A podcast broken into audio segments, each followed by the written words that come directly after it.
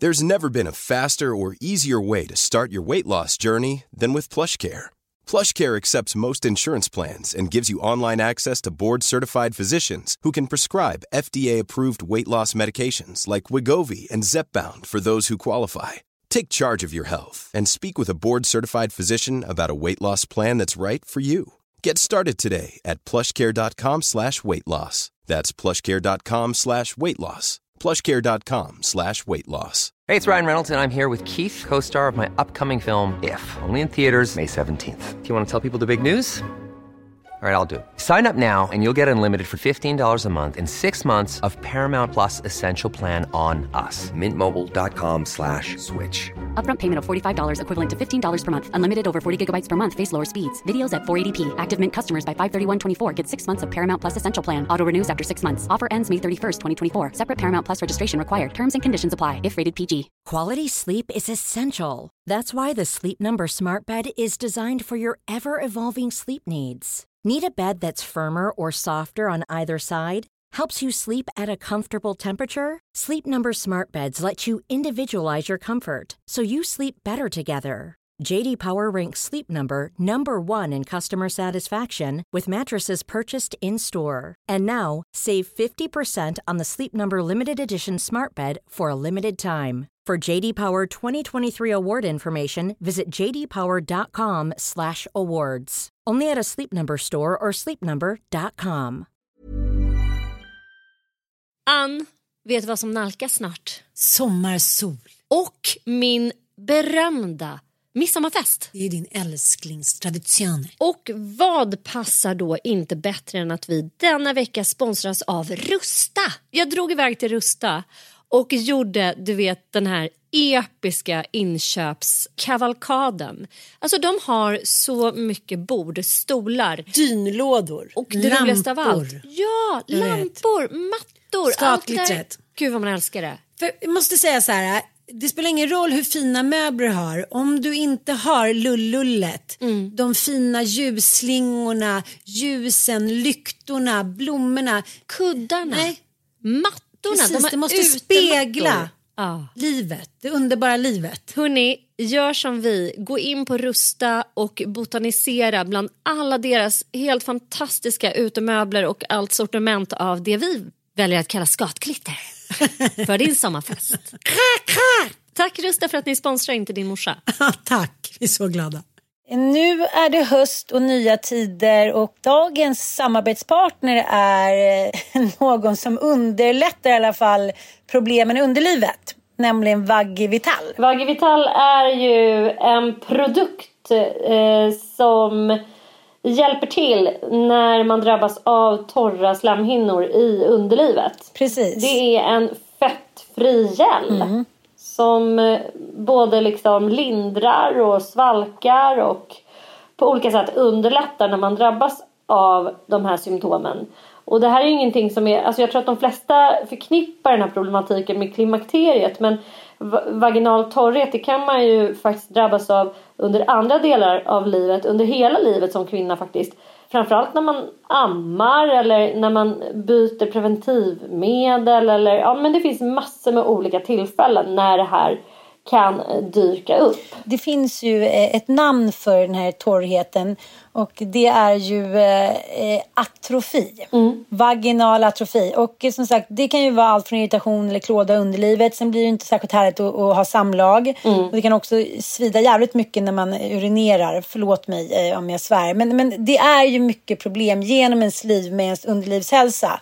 Och eh, det som händer med den här fantastiska gelen som också eh, distribueras via Sverige. Det är professorer och eh, forskare som har svenska som har eh, kämpat uppfunnit det här.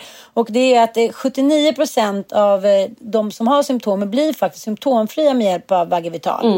Och eh, Vagivital har också gjort en liten barometer här och det är ju fortfarande, tycker särskilt de unga kvinnorna tycker att det är pinsamt att söka vård och eh, pinsamt att prata om liksom, underlivsproblem och sådär. Och det lär ju inte ha blivit bättre under corona. Då har ju vi kvinnor eh, blivit ännu sämre på att ta hand om oss. Så att jag och Sanna vill uppmana er kvinnor att ta hand om ert underliv. För att det är ju faktiskt en, när det inte funkar med underlivet så påverkar det ens liksom allmänhälsa något helt enormt. Så ta hand om ert underbara underliv och det kan ni alltså göra med hjälp av Vagge Vital.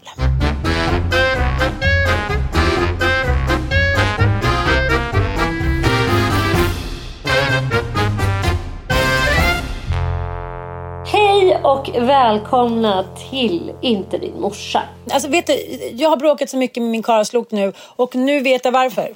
Berätta. Nej men den här jävla sommaren som var helt magisk och försatte en i här lyckligt rus att man levde vid medelhavet. Den avslutades den 2 augusti med höstregn och höstvindar. Mm. Och sen har det liksom varit som att man direkt går in i höstklimakteriet. Man fick liksom inte ens man fick vara ung för kort stund och sen helt plötsligt fick man problem och besvär och ingen hade sagt... Alltså jag har blivit tagen på sängen av att det nu skulle bli vardag höst. Annars kan man ju fasa ut lite med så här, allt vad det heter. Brittsommar, varma dagar i augusti. 2 augusti tog sommaren slut och nu är det liksom lite fint väder här några dagar. Men då ska man gå och lägga sig på beachen nu eller? Eh, jag tror att jag är i chock och då blir jag också på dåligt humör. Ja, men det är det, alltså herregud. Mm. Det är det eh, du ska göra nu. Alltså jag, eh, jag tror ju att sommaren är tillbaks här nu, några veckor. Så att jag rekommenderar dig att, jag till exempel ska gå på Skansen imorgon. Jag bara känner så här, nej men nu måste jag bara pumpa ut det göttigaste av det göttiga under de här dagarna. Och, eh, Gud vad mysigt. Jag tänker gå och bada nu efter att vi har poddat med Foxen. Sitta på stranden. Tänker jag göra. Jaha. Okay. Liksom, ja, ja, man får tänka om till nu. make it. Det här ja, men nu liksom... får du liksom- tänka om. Det ja. är inte hösten. Nej, vi, det, jag, men jag, håller, jag håller med, helt med dig eh, om att det där galna vädret med det här regnet och den här kylan gjorde att man liksom förpassades inomhus och det är liksom det som väntar oss nu och det blev alldeles för kort. Det var som att säga, alltså augusti är ju faktiskt vanligtvis en av de härligaste sommarmånaderna. Nej, det är lite som att man har gjort liksom att det är slut, man har gjort slut eller skilt sig och sen så efter någon månad så kommer karln tillbaka och säger nej jag är ju en toppen snubbe. Det är sol, det är sol och livets glada dagar och allt som du drömde om att jag var en gång i tiden det är nu tillbaka så nu får du så här, tänka om och acklimatisera dig. Jag vet inte. Jag, jag är tjurig. Jag är irriterad. Jag känner... Eh, det finns ingen plan. Det finns, jag känner mig ensam. Jag tycker jag får ta för mycket ansvar. Ja, det är mycket. Det är mycket. Det är mycket. Det är mycket. Mm, så nu har vi bråkat. Alltså, vi har bråkat så mycket så... Du vet att man bara säger okej, okay, då skiter vi i det. Och sen börjar, och så börjar den andra tjafsa tillbaka och så ser plötsligt så blir man lite ledsen och så ger man varandra en puss och sen så bara, jag måste podda nu. Jag tycker, hela mitt liv är så här, men nu måste jag podda så vi får bråka någon annan gång. Typ. Det, jag hinner aldrig göra klart. Ja, verkligen. Jag är helt med Men jag bara undrar en mm. grej. Ni mm. som ändå har varit ihop nu ganska många år. Kan du se någon röd tråd i era konflikter? Vad är det ni oftast tjafsar om och bråkar om? Han säger att när han har varit iväg och spelat golf, då får jag någon falsk PMS. Ah. Lite som falsk krupp. Att det är så här, okej. Okay då var jag kvar här med nya inskolningar, bla bla bla. Och du bara checkade ut. Fast jag vill ju det. Alltså det, det. Jag vill att man ska ha sin passion, men det känns också så här... Det, det känns för omodernt. Alltså, det är lite chall med nya inskolningen så här på föris. Ja, men då är det mitt ansvar. Och det är liksom outtalat. Och eh, jag kanske tar på mig det för att jag är... Medberoende. En bättre terapeut. Eller, Tack. Men det är Nej, liksom, och då ah. kände jag så här, F-U-C-K-diss. Eh, varför var du tvungen att göra det exakt just nu? När det är så här, kunde du inte bara säga kunde, här, kunde vi ha satt det här tillsammans? Jag kände mig extremt ensam i, i familjekrisen. Att så när det handlar om barn och när det handlar om liksom som har med, med känslor att göra, sånt som blir jobbigt, då har alla mina karar faktiskt övergivit mig mer eller mindre. Då är det så här, det klarar inte de av. De klarar inte av för starka känslor. Så då blir det så här, men det klarar, eh, det klarar Moder Svea. Hon är stark. Hon har eh, gnabbats och nabbats med så mycket svärta här i livet. Så att lite förskoleproblem. Jag vet att det kanske inte är så de tänker. Men, jag, men det är ju ändå återupprepande att det är så här. Även med mitt ex. Och det vet ju. Och till slut så blir man ju så här, Ja, man men när man tänker ju. att det är återupprepande då kan man ju tänka så här, antingen så är det ju patriarkala strukturer som gör att män bara rent generellt inte har blivit fostrade varken av sina föräldrar eller samhället till att ta ansvar för just eh, det lilla livet, liksom barn som ska skolas in och barn som ska så här, men jag kan ju verkligen se exempel kring mig. Nej, ja, men jag men kan också se exempel det på då. mig runt omkring mig, till exempel min brorsa som är så här raka fucking motsatsen som har tagit hela nästan allt det där. Eller Ja. väldigt mycket i alla fall. Som att det inte skulle kunna att gå. män kan ta den rollen i en familj Ja. också. Men jag tror också att det handlar om eftersom det har varit så här i bägge dina relationer att det handlar om att du går in i den här tankefällan att du tror att de ska läsa dina behov. Alltså att du, de ska kunna läsa dina tankar. Att säga okej nu, nu är det liksom inskolning. Egentligen borde det vara så för bägge parter förbjudet att göra någonting under just den här veckan kring den 19 augusti. För att det är fan mig, alltså det är oxvecka. Ja. Vi pratade ju om det i förra podden.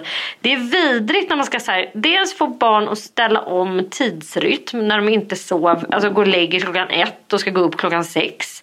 Då är alla typ psykiskt sjuka en hel Ja. vecka skulle jag säga. För att alla är på så här pisshumör, de har sovit skitdåligt. Man själv är ju också på för Ja, man är också jag är typ omställd. är så här- Och då ska man ändå så här, Jag känner mig mördad på morgonen. Jag är så här, va? Ska Ja, vi man ska så här, gå upp och göra frukost så här, klockan halv sju helt plötsligt. Alltså det är helt eh, Ja. vidrigt. Så det tar ju på kraften att ställa om. Så det borde ju vara liksom, nej, båda två får fan vara hemma då och Ja. köra varannan dag, stenhårt. Sen kan man väl åka på golfresa. Ja, tack. ja. Och då är jag alltså, ogin. Och då, då, Då tänker jag jag att så här, ja men då, Ja men vadå? Ja. Hur är det hemma hos dig? Har, har, har du fått mycket stöd och hjälp nu med inskolning? Jag tycker bara att det ser lite så här ut överallt när jag tittar runt. Det gör mig jävla som en trött lax.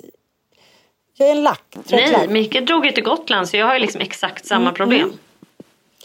Men eh, som jag sa till dig förra veckan så har det ju liksom underlättat extremt mycket eftersom mina pojkar helt plötsligt är stora Ja. och har EPA och tar sig själva till skolan. Så jag har ju då Foxen och hållit på med det här projektet. Och det är också något knäppt vilket gör mig helt icke-representativ för alla småbarnsföräldrar tror jag nu. För att jag typ älskar ju att göra det här. Jag har ju blivit som en galen amish-kvinna. Jag ville typ vara så här homeschoola honom och starta ett föräldrakooperativ. Bli dagmamma själv typ. Nej men det, jag vet inte. Det är väl kanske så här att jag vill dra ur sötman ur det här sista barnet. Jag Alltså, fattar, jag fattar. på riktigt Ann, vet du att jag känner mig sprallig inför att jag ska åka till Skansen imorgon? På riktigt sprallig. Jag är såhär, nej men gud det här ska bli så mysigt, jag ska gå på Skansen. Jag har inte känt så här med något av mina andra barn. Jag fattar. Vem ska du åka dit med? Kan jag följa med? Själv. Du får jättegärna Ja. följa med. Men jag, jag liksom nöjer mig typ med att åka själv. Jag tycker det ska bli råmysigt. Jag. Alltså, jag njuter så jävla mycket av det. Att jag liksom älskar att vara med det här lilla Du är barnet som så en mycket. farmor. Och- bara... Ja, jag vet. Jag tar ut så mormorskapet i förväg och är så här, åh, nu ska jag och mitt lilla barnbarn mysa loss. Jag är så helt ostressad kring det. Så jag ställer in allting bara för att typ, han är lite hostig idag så han är hemma. Jag vabbar och jag njuter. Ja, men jag tänkte på det också när, när vi pratar om så grejer vi ska ta tag i, våra projekt och våra jobb. Så tänker jag så här, varför är jag inte mer på? Och så tänker jag så här, helst vill jag bara säga åka, åka elmoppe med Frasse, ligga och gosa med Bobo och kolla på någon dålig så här, amerikansk serie som han är besatt av, om så här, influencers. Jag, liksom, jag måste så sakteliga efter den här sommaren och du säger också Ulf Lundberg, professor emerit, emeritus i biologisk psykologi. Han, han menar så här, förskjutning av sömnen, det kan man fixa på några dagar. Men man måste också så här, man måste gå in i det och börja liksom lite senare på morgonen och inte kasta sig ut direkt och få någorlunda mjukstart. Men det, det går ju inte. Hur, hur många kan få en liten härlig mjukstart? Det låter som en så här amerikansk 1700-talsserie. Man är så här, över, upper, upper class och lever i en så här Essex i någon stor, på någon stor gård. där man är så här, mommy needs to take a little bit easy with a, have some tea. Så här, så någon annan får ta hand om barnen. För, men för Emerutius Mamitutus så går det liksom inte, alltså det går inte riktigt att få in den här mjukstarten. Det är fotboll och det är tennis och det är kompisar och det är nya skolor. Så här, ja, skicka hit då. Skicka hit någon. Skicka hit en eh, mam- mammitatitus. Eh, vi, jag har haft en svinhärlig helg. Vi har ju börjat med, jag vet inte om jag har berättat om det i podden men jag, jag driver liksom ett litet inackorderingsstallar och håller på med min hästverksamhet. Ja, det vet vi. Natural horsemanship och så här, det är kanske ni som lyssnar vet. Men nu har jag sen i våras eh, dragit igång horse yoga tillsammans med vår gemensamma kompis Sofia Edgren. Och vi hade ett sånt event nu i helgen. Och fan vad det är härligt att ha de här Okej. eventen. Det är, det är bara... Det är så mysigt. Dels är det så härligt att så här lajva, du vet att man går runt och gör i ordning inför. Liksom laga mat, plocka massa blommor. Både jag och Sofia gillar ju liksom det estetiskt vackra och så här, väljer ut musik, vad ska vi ha, liksom att skapa den här helhetsupplevelsen. Det är så mysigt att få göra det, att man så här, Ja men det känns som att man driver, vi sa det, vi bara gud vi vill öppna ett litet pensionat, vi vill öppna ett hälsohem, vi skulle liksom älska det. Det är en sån där parallell eh, verklighetsdröm jag har, sliding doors, att jag så här, eh, driver ett litet, ett litet pang med eh, hälsotema. Liksom. Jag tycker det skulle vara hur jävla mysigt som helst. Så det där är samma sak, man gör så- grejer man, som man själv har behov av. Vi, bara, vi vill ligga på hälsohem. Ja. Vi lägger oss själva in. Nej men verkligen. Men det, och det är ju på något sätt så att när vi har de här kurserna så försätts man ju i den här liksom yogiska stämningen. Och jag själv får ju yoga så det är ju världens smartaste grej egentligen. Liksom. Så jag är väldigt uppfylld av det. Apropå att göra en smooth övergång så har jag ju på något sätt bestämt mig för att här, jag ska göra mycket mer av det. Och jag är också så glad att vi hittade under våren eh, onlinekursernas förlovade paradis. Att kunna sitta hemma och eh, vi har ju varit ute och föreläst jättemycket och flugit runt. Det, vilket också är härligt. Men det är också så himla härligt att kunna göra sitt jobb hemifrån. Det tror jag sjukt många tycker efter pandemin. Liksom, att säga, men gud vad det här har underlättat livet och livspusslet. Liksom. Men, ja, men så att jag, jag vet inte. Jag tycker jag har kommit in i hösten här nu ganska bra. du sa ju att det eh, fortfarande var sommar. Jag menar det. Men det är också det, så här, nu går vi tillbaka lite. Vi kör lite, lite på, lite av, lite summer vibes. Packar en liten mysig liten badväska. Ja, men, nej, jag, jag, jag vet inte. Jag tycker att den här... Jag ser fram emot den här eh, veckan på något konstigt Vad bra. Men jag, jag tänker att när man kommer hem då och så helt plötsligt så blev det Ja, lite chockartat. Allt blev liksom lite påtagligare än vad jag trodde. Och då tänker man så att nu ska man nystarta och så vill man ställa nya krav på sig själv och då vill man att ens familj ska fatta det och alla andra som är i ens närhet. Och liksom, då är det svårt när man redan är inne i den där energin att, att göra liksom någon rannsakan över att man är så här, shit, jag kanske är samma person som innan jag åkte iväg på semester. Jag kanske, inte, jag kanske inte kan tro att jag ska vara så här världens största guru. Vad är det nu där älskling? Nu hör... Vänta, vad är det gubben? Vad sa du? Mamma, glöm inte godis. Nej, godis. Det, det får jag glömma. Nu får du gå, gå ut och kolla igen. Mamma måste göra klart det nu. Hej då. tror jag. Nej, jag tänker på att man måste ha en realistisk plan. Men, men jag tror att jag... Jag, jag tror att jag bara... Att det blev liksom övermäktigt. Att så här, någon unge som blev tillbaka till, här, till gamla förskolan satt och ritade teckningar till sina kompisar och var ledsen. Och så Ja här. men darlings, Jag du måste också, det. tog ju jävla hårt på dig med det här sk- förskolebytet. Ja, ja, men då tycker jag så här, då kanske Ja. man inte drar iväg och spelar golf. Och nu är jag ogin. Nej. Och då, eh, då, då känner jag så här, hela historiens vins, vingslag av den ogina kvinnan. Som jag plötsligt slutar vara ogin och blir arg istället. Och ibland kan ju, som Martha Nussbaum, hela, eh, liksom, eh, vad ska man säga, hennes, hela hennes filosofi gick ut på att ilska är en katalysator. Sen ändrade hon ju det efter tio års eh, forskning när hon var världsberömd. Så hon bara gjorde en kovändning och sa det. Så här, nej, Mm, bara, jag tar "Nej, det är tillbaka det. bra med ilska Jag tar alls." tillbaka det. Det funkar som en katalysator en kort stund för att komma igång. Men sen leder det liksom ingen vart. Jag tycker det också är så stort att man har forskat kring någonting i så många år och sen bara gör en kovändning. Och det tycker jag är en mänsklig Men man driver en rättighet. tes så starkt. Ja. Mm. Nej men det är så snyggt att man bara säger nej tyvärr jag måste så här, ompröva allt jag trodde Ja. på. Och det är härligt att det Men går. jag tror... Ja men jag tänker så här. Istället för att ni ska bråka och skapa en massa toxisk stämning både för er själva och för eventuella barn där hemma. så tror jag kanske du skulle må bra av att bara så här, det är också så att ni är olika. Han kanske inte alls var så himla emotionellt berörd eh, av att Frasse tyckte det var jobbigt med ett förskolebyte. Men du var det. Kan, du inte bara, kan man inte bara så köpa det och så eh, kanske han skulle få ta en större del av det? Jaha, men, men det är det han inte vill för han tycker att jag är bättre på det. Han tycker det är så jobbigt när de ser Aha, ledsna men då, okej. Okay. så då, då tycker han att det är jobbigare liksom. Eller jag... Men det är ju skitjobbigt och du kan bara, nej men det, det, det, det, där, det där tycker jag också är så här. Jag ska inte peka ut någon här, men utan att nämna några namn. Så, jag liksom, förklara för kan en vän. säga att så här, nej men ja, men att, att ha patent på svaghet i en relation. Mm. Att så här, jag klarar inte det. Nej. Jag har det här och jag mår dåligt om jag inte får bla bla Mm. bla. Och jag är så här, det skapar ju också så här förväntningar hos den andra parten. Och sen är ju du ju en person med ett medberoende som i din ursprungsfamilj alltid har varit den där eh, galna, glada ja-sägaren som ska göra alla glada och ställa upp för alla och hjälpa till med allt och alla hela tiden. Vilket också eh, gör att folk så här, tror att du är lika stark som Pippi Långstrump och klarar precis allting. Mm.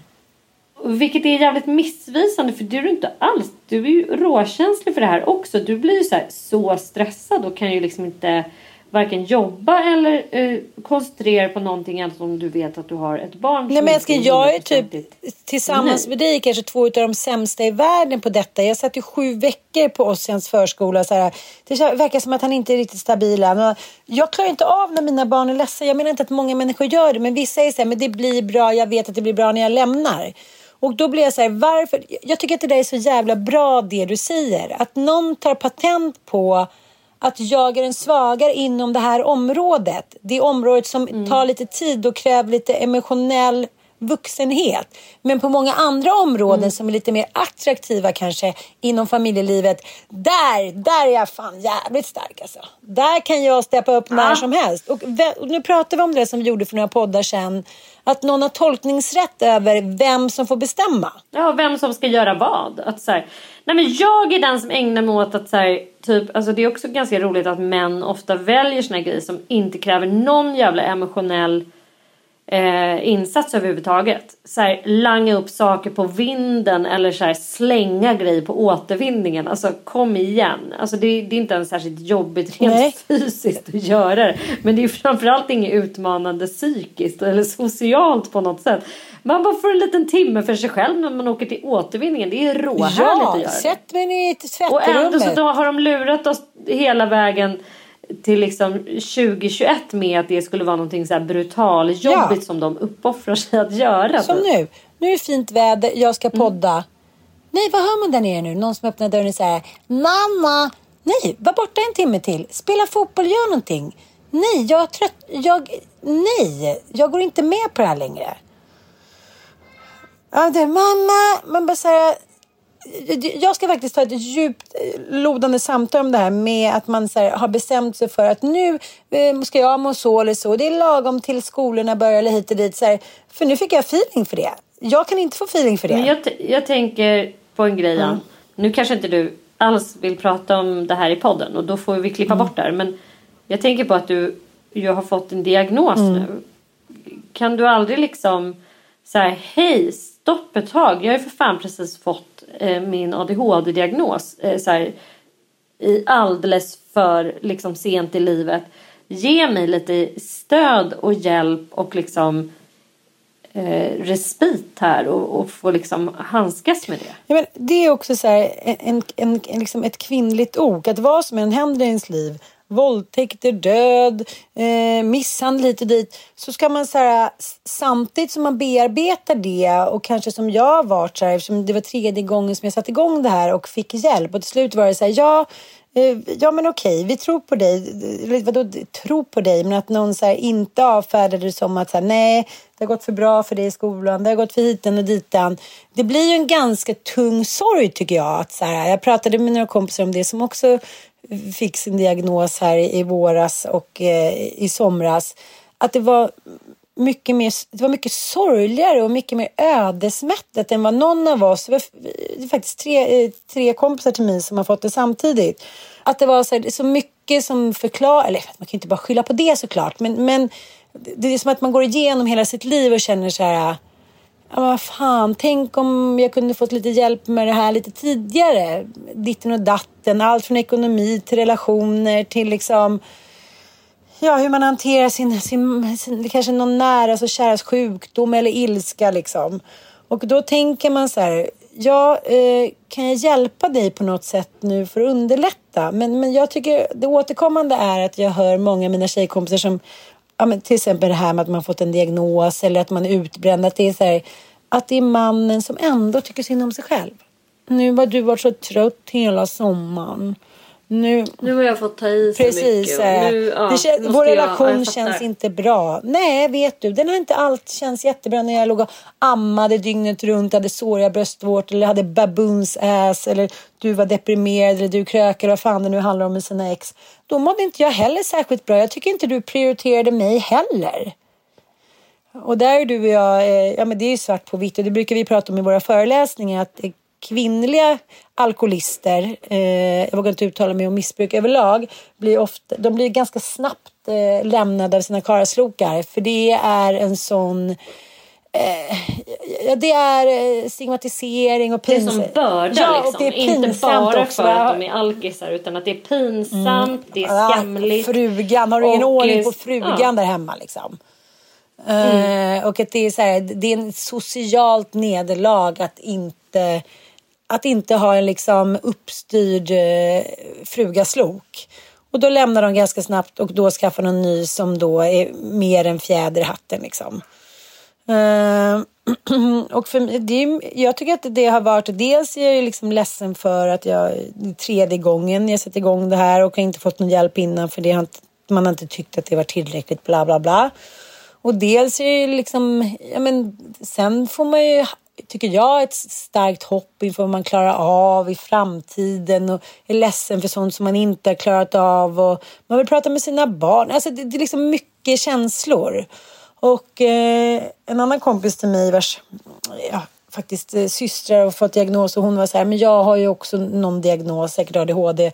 Jag behöver ju inte kanske göra det eftersom jag själv ja, men driver ett företag och så här och själv bestämmer. Men hon sa det, jag skulle vilja göra det den är, jag skulle kunna tänka mig att göra det nu för att jag vill vara en del i statistiken.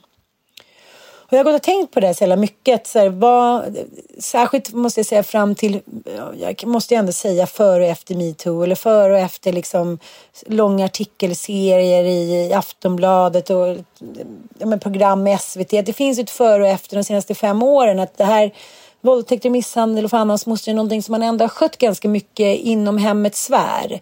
Det har varit lite, eh, som vi har pratat om, det som också metoo har varit lite att man det har varit pöbens dom. Den har ju liksom rått genom historien, allt från i Bibeln till alltså att nu har pöben bestämt att du är till exempel utfrusen.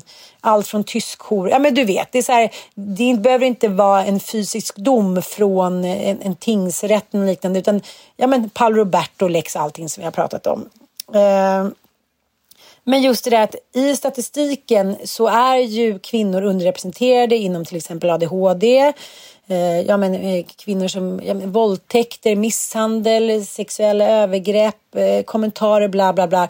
För att vi tänker så här, men ah, ingen kommer kanske tro mig eller jag ork, Jag hör ofta det där återkommande. Jag orkar inte dra igenom det här. Vad ska det hjälpa till? Det är bara jag som kommer få få stå där med, liksom, med ja, skägget i brevlådan och den andra kommer gå fri. Och det har ju hänt mig ganska nyligen en liknande situation som jag inte alls orkar ta upp just nu men kanske senare. Eh, så jag bara känner så här, jag förstår vad hon menar. Man måste eh, stå för sin del i statistiken för att det, det ska bli rätt och riktigt och man historiskt ska kunna se hur saker och ting har utvecklats. För om man inte anmäler, om man inte gör sin utredning, då framstår det fortfarande som att snubbarna är så eller att det inte är så. Det blir ju en falsk verklighet som eh, ja, men som både man politiskt och liksom världsligt omfamnar. Och det ser man ju även som till exempel i Kabul nu som är så här. Ja, men nu har kvinnorna varit så fria i 20 år. Så att, vadå fria? Ute på landsbygden går de ju fortfarande med burka. Det har ju varit liksom med risk för ens liv att gå i skolan för flickor. Kvinnliga lärare har blivit mördade, bla bla bla. Vi väljer lite och, och, och se det vi vill se för att det, det kommer ingen verklig statistik från vare sig vårt land eller andra länder. Så jag kände så här Nej. Nej, det är också väldigt roligt att det är så här, i vissa länder så finns det inget våld mot kvinnor. Nej. För att eh, det an, man, man anmäler Nej, inte våld nej. mot kvinnor och om det anmäls så leder det extremt sällan till fällande domar. Så jätteskönt! I typ större delar av Afrika så finns det inget kvinnovåld. alltså det är så. Nej, men jag, jag, jag tänker rent historiskt på det också. Liksom allting med, med så här, vad är sanning och vad är någonting som har hittats på och efterkonstruerats. Och det, jag tänkte på det när jag var på Vasamuseet i helgen. Så hade de en utställning om kvinnliga liksom, sjömän och kvinnliga fiskare och hit och dit. Och det var ju, jag menar svenska män var ju liksom ute i krig eh, i åratal. Och kvinnor bodde i skärgården och kvinnor bodde vid vatten och det fanns liksom ingen mat och man var tvungen att ta hand om, och se till att ens avkommor överlevde. Det var ju inte alls något konstigt att kvinnor åkte ut och fiskade, eller kvinnor sålde fisk och kvinnor hitan och ditan sjöfart. Men det syns ju inte i den svenska historien. Eh, för det är lite så här, de källorna har man valt att inte ta fram eller citera. Så jag, jag, jag blir så sugen på så här, bara typ ringa dig och säga nu börjar vi forska, nu, återupp nu återupprättar vi hela kvinnohistorien.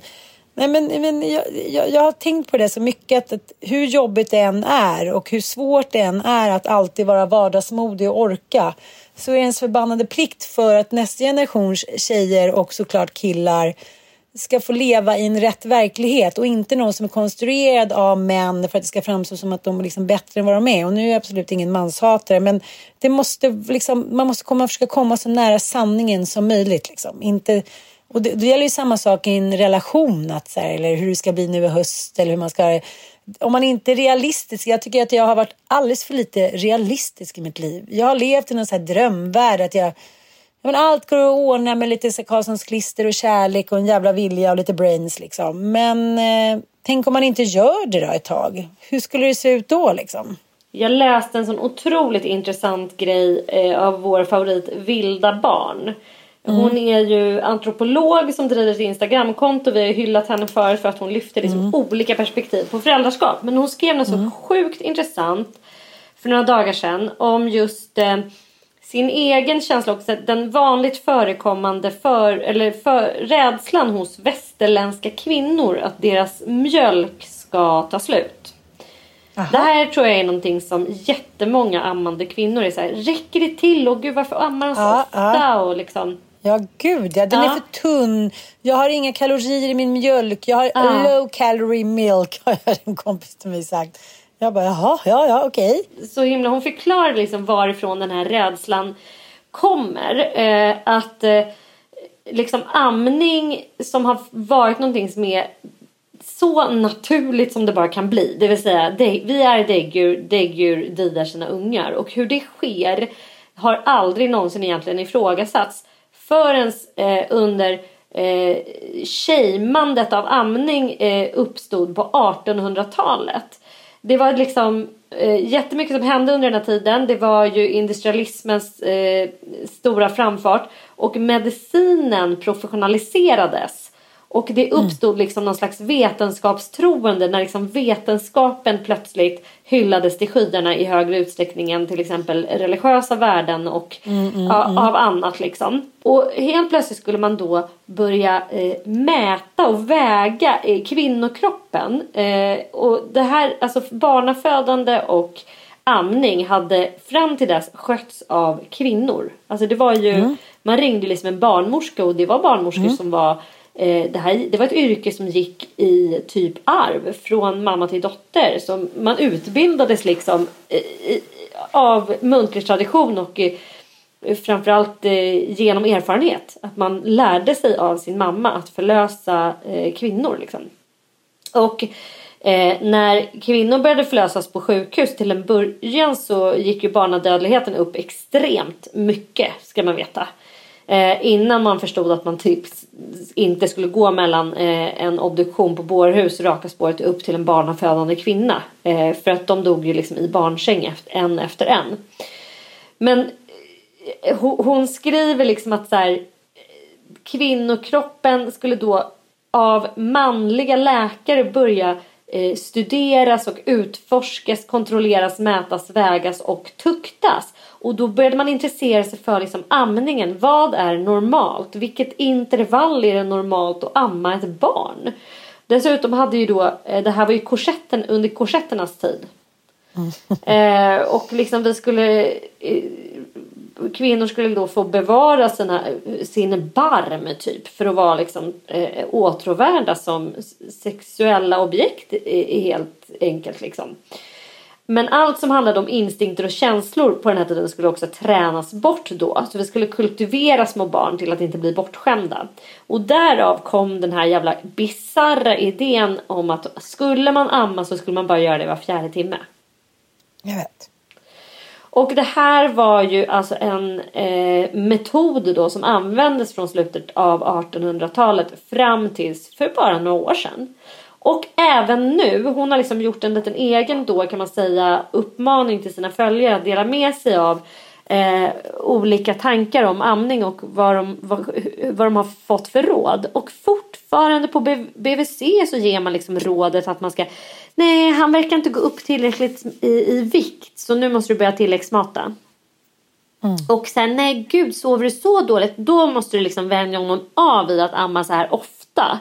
Att vi fortfarande håller på med det här reglerandet av ammandet som är så instinktivt och så otroligt jävla naturligt för oss. Även om vi är så alienerade från det så att det kan kännas extremt onaturligt och väldigt, väldigt obekvämt vilket är sjukt sorgligt. Men det är egentligen högst jävla instinktivt och helt eh, ingen som behöver lära oss hur vi ska amma våra barn egentligen. Jag hade ju en kompis som var på BVC häromdagen som också då fick höra så här att hon, hon skulle skamma då den här sjuåriga dottern som hon tyckte var ja, lite rultig. Så att mm. nu fick de väl ta tag i det. Du vet så sjuåringar, det, det har varit sommar och man har ätit några glassar. Alltså, herregud. Men det som jag tycker är så intressant också med historien om barnmorskan. Mm. Det är precis som du säger, fram till eh, ja, den här tiden då så eh, fick ju kvinnor, de hade ju väldigt hög status genom att eh, ja, men förlösa barn. Det var inga liksom, manliga läkare med. Sen kom man då på att man kunde så, tukta kvinnor genom att en läkare var tvungen att komma in och förlösa. Vilket man ett då kunde pacificera att kvinnor inte kunde ta några makt, liksom, maktbeslut. Dels kunde de få, liksom, kunde man, var man tvungen att ge dem mycket lägre lön. För att nu var det inte de som förlöste utan nu var de tvungna att ringa, liksom, eller eh, ringa gjorde de inte på den tiden, men hämta en läkare. Vilket gjorde att det blev så, såklart då ineffektivt. Eh, det var ju mycket farligare. Eh, det här liksom har jag läst om ganska nyligen. Och där började då hela den här idén om att kvinnor liksom, ja, inom sjukvården är mycket lägre ställda. Fast det var de som hade den höga positionen tills män kom in och sa så här. Okej, okay, kvinnor får inte ta tången, kvinnor får inte göra det. En, en, en manlig läkare måste vara med. Bla bla. Och helt plötsligt så hade man liksom eh, ja, tagit bort hela, så här, hela rollen som den kvinnliga barnmorskan hade som, eh, som mm. läkare inom citationstecken. Mm. Så att, eh, ja, det är mycket eh, uppfinningar om som gör att kvinnan hamnar i en, en särställning som är då lägre och icke beslutsfattande. Verkligen. Och att vi inte tror på vår egen kunskap. Och vetenskapen har ju också eh, drivits och eh, förts av män. Som du var inne på. Att liksom, vem har skrivit mm. historien om vad? Eh, mm. Män har ju ofta skrivit om eh, andra mäns makt eh, övertaganden. Det är liksom den typen av historia i alla fall jag fick lära mig. Sen har väl det kanske förändrats lite grann nu. Men fan vad det var tjat om krig, kungar, eh, olika typer av så ter territoriella övertag liksom. Ja, nej, jag tycker det där är så sjukt spännande. Jag, jag älskar att man hittar människor som berikar ens eh, sätt att se på livet. Och hon gör verkligen det. Jag kan varmt rekommendera. Hon har skrivit en bok som heter Vilda barn. Den är mm. så fin. Eh, den finns att köpa och beställa. Eh, och hon, hennes konto heter ju Maria Borda. Eh, så ni kan gå in och följa henne där. Hon är sjuk. Hon håller på och läser nu någon så här skitspännande vidareutbildning i Nordnorge eh, på det här temat. Barn, alltså ur ett antropologiskt perspektiv. Super, super spännande.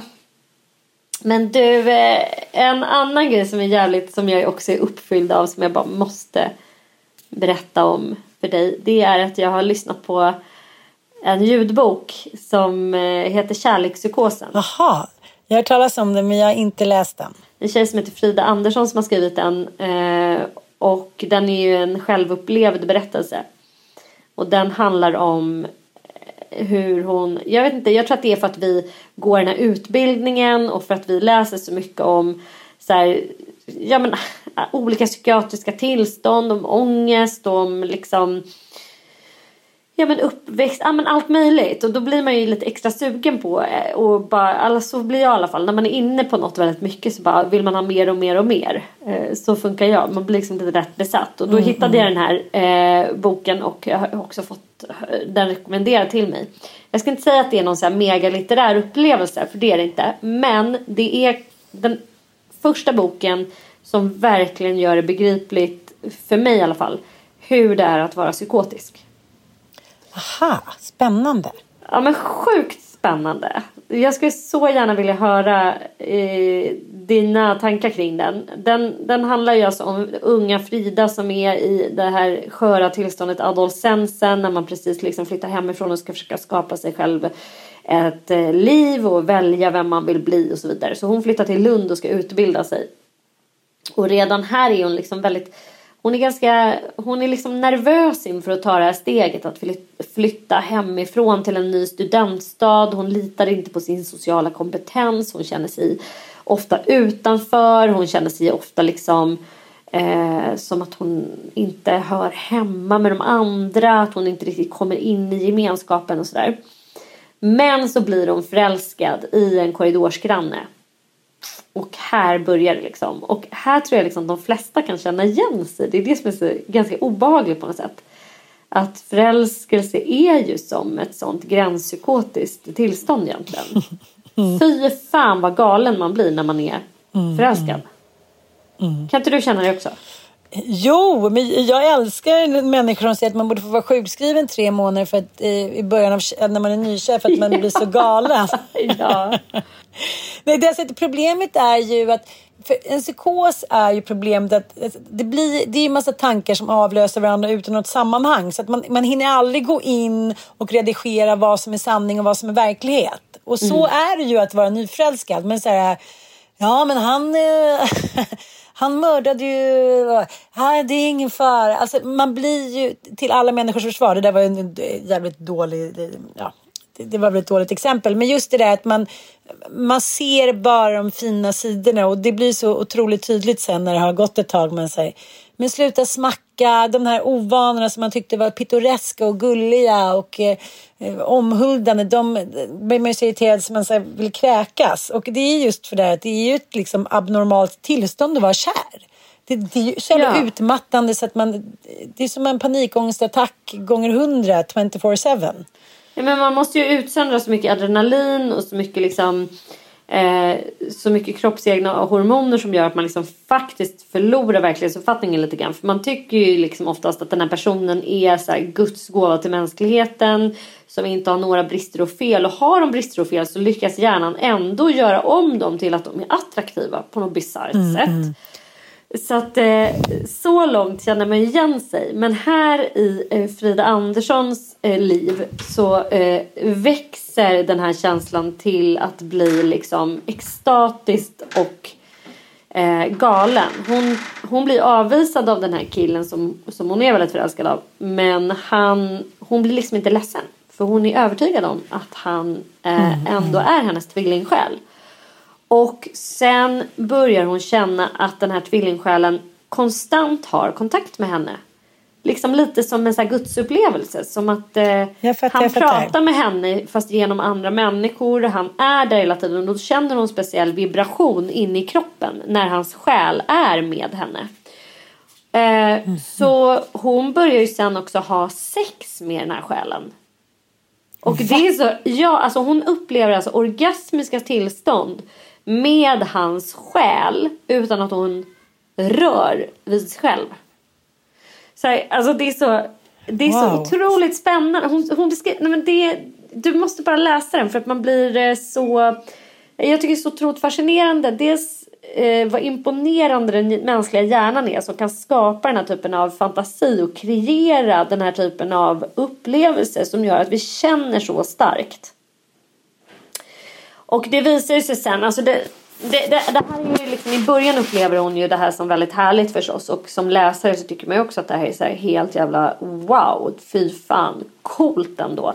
Men sen, eh, sen tippar det ju över och hon blir ju väldigt sjuk i den här psykosen och börjar liksom uppleva att det är obehagligt själv. Och hon kan ju inte sova och hon är liksom helt eh, så, så uppe i eh, limningen liksom av den här förälskelsen så att det blir det tippar helt enkelt över och hon blir väldigt psykotisk och kan liksom inte skilja skilja på vad som är på riktigt och inte liksom. Eh, och hon blir sen inlagd och får sen diagnos. Jag ska inte liksom, jag ska inte spoila för mycket. Men det är en väldigt intressant läsupplevelse. Jag är väldigt, väldigt eh, tagen av den här boken. Trots att den inte var så här top notch litterärt liksom magic så var den ändå jävligt utbildande. Kan man säga så? Ja. Ja, men jag, jag tänker på Evert Taube, du vet. Mm. Han var ju, eh, han hade ju en stalker typ, ja, men, i hela sitt liv typ. Ja. Eh, hon brände ju ner deras... Kom, du vet, där, Sjödala, sjö, ja. Sjösala, ja. Sjösala. Och, eh, Sjödala. Nej men, sal. nej, men his, nej, men historien var att hon hörde ju honom på radion. Ja. Och blev helt besatt. Och eh, tyckte liksom nu skulle det vara dem. Och brände ner och då ville ju inte han då för att han förstod ju lite samma som du berättar om. Och eh, till slut så blev hon så desperat så att hon brände ner här, ja, den här Sjösala i Stockholms skärgård och så blev hon ju dömd till rättspsykiatrisk vård. Men sen kom hon ut några senare och började då förfölja Sven-Bertil. Aha. Ja, och grejen är att hon har ju liksom förföljt honom och hans fru i Stockholm. Och hon har åkt över till London och hon har ju då hävdat att de ska gifta sig och kommunicera via dolda budskap i tidningar. Men Lite, gud. ja, men lite samma då. Eh, ja. men, men, men just det där att man får för sig att det finns någon connection som den andra personen inte ser. Mm. Och eh, vi, ja, men, vi Åsa Goiken som är en, en väldigt erfaren professor faktiskt och forskare i det här området. Hon har ju liksom pratat med att det, är ju liksom en så otroligt stark kraft och människor kan ju bara leva i psykoser i flera år. Verkligen. Och det, och det kan ju ut liksom, det, kan ju sättas igång av lite var som helst. Haschpsykoser, ja, men stress, eh, kärleksångest. Det är liksom en extremt stark kraft. Och, Ja. eh, ja, och Hon har skrivit det- en bok, Åsa Goiken. Hon var ju med i våran eh, dokumentärserie Djävulsdansen. Hon, Mm. hon har ju ägnat sitt liv åt att forska om schizofreni och eh, framförallt läkemedel mot schizofreni eller för Mm. personer som lider av den störningen. Och hon har precis kommit, eller ganska nyligen faktiskt, med en bok som eh, eh, där hon vill slå hål på myterna om schizofreni. Alltså vi är ju så himla rädda för eh, schizofreni och sådana lite mer allvarligare psykiatriska eh, tillstånd. Så därför tycker jag också att kärlekspsykosen är så jäkla bra. Att man faktiskt får närma sig personer som är eh, psykotiska så man liksom verkligen kan förstå att så här, det, det, det är väldigt sällan också personer som är psykotiska gör liksom så galna grejer som att bränna ner Sjösala. Det ska vi ju verkligen påpeka. Nu, nu tog vi liksom ett exempel på också som förstärker fördomarna. Men de flesta Ja, ja, som är ja. psykotiska gör ju absolut inte det. Liksom. Det finns ju betydligt fler psykopater kanske då som ägnar sig åt mordbränder och alltså människor som är eh, i psykoser brukar oftast kanske bara vara eh, självdestruktiva, alltså skada sig själva. Men det Men är det- ett åtråvärt tillstånd att, att, eh, att nå det här. Och det är också... Jag pratade med en tjejkompis till mig som har blivit frisk nu från anorexia. Och att när man då inte äter någonting, eh, lite som samma sak när man fastar eller liknande, så han, kan man handla i ett sånt tillstånd att man känner sig connectad med ja, andra saker. Eller man känner sig lätt, man känner sig euforisk. Det, det, det är ju ett attraktivt tillstånd och det är därför många som, som lider av till exempel bipolaritet inte vill medicinera för det är ett underbart tillstånd och det är ju samma sak nu när jag eh, det här med ADHD, att det är många som inte vill medicinera sig för de känner, de känner sig tråkiga, de känner sig inte som sig själva, de känner sig som zombies, bla bla bla. Så att det är klart att man, man har ju ett, ett, ett vad ska man säga, en, en annan tillgång till kanske olika skrymslen i hjärnan som vad ska jag säga, normala människor inte utforskar. Kan man säga så? Mm, så kan man väl säga. Mm. Verkligen. Det ligger liksom, vad är det de säger? Alltså så här, psykotiska tillstånd ligger ju väldigt nära kreativa tillstånd också. Att så här, Precis. kunna föreställa sig saker och att så här, hjärnan skapar liksom fantasier kring och, och eh, ja, alltså fantisera ihop en annan verklighet helt enkelt. Men därifrån till att inte kunna skilja på vad som är på riktigt och vad som, vad som inte är det. Det nej men det är fascinerande. Hjärnan är ju sjukt fascinerande tycker jag. Jag tänker det är Simon Kyaga som eh, forskar kring det här. Om man då är maniska tillstånd. Vi har ju träffat honom några gånger när vi har varit på ja, men, ju, ju, ja, men, bland annat Psykiatrifonden pris från och- Mm. psykiatrifonden. Ja.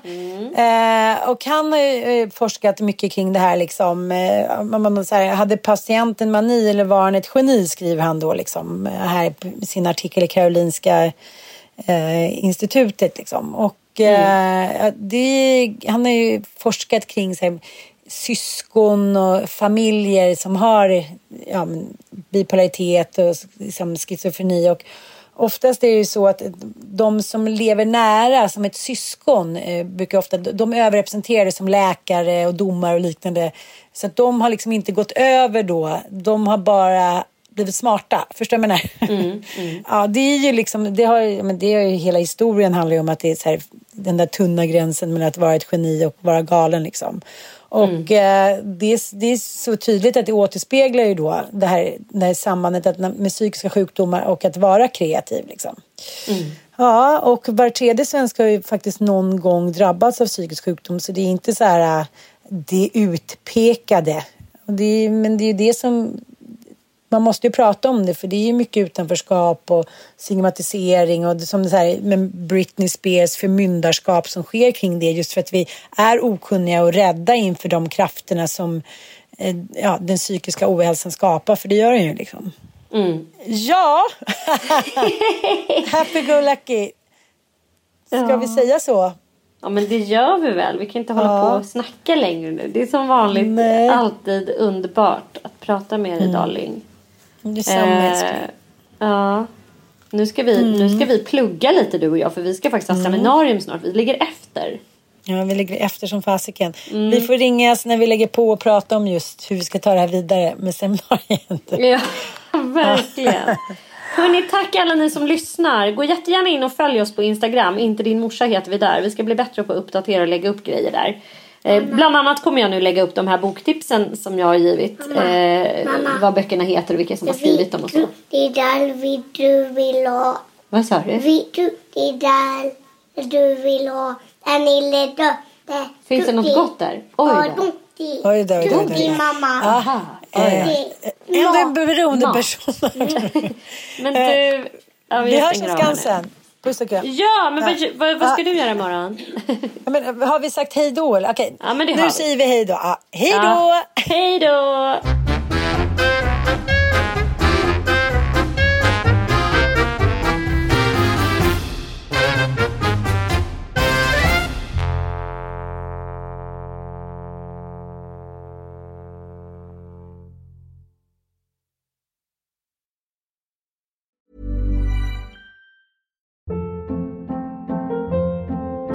Hold up. What was that? Boring. No flavor. That was as bad as those leftovers you ate all week. Kiki Palmer here, and it's time to say hello to something fresh and guilt-free. Hello Fresh. Jazz up dinner with pecan-crusted chicken or garlic butter shrimp scampi. Now that's music to my mouth. Hello Fresh. Let's get this dinner party started. Discover all the delicious possibilities at hellofresh.com. Hi, I'm Daniel, founder of Pretty Litter. Cats and cat owners deserve better than any old fashioned litter. That's why I teamed up with scientists and veterinarians to create Pretty Litter. Its innovative crystal formula has superior odor control and weighs up to 80% less than clay litter. Pretty Litter even monitors health by changing colors to help detect early signs of potential illness. It's the world's smartest kitty litter. Go to prettylitter.com and use code ACAST for 20% off your first order and a free cat toy. Terms and conditions apply. See site for details.